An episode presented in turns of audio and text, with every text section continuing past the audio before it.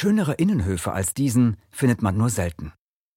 Der Innenhof war deshalb viele Jahrhunderte lang eine touristische Attraktion.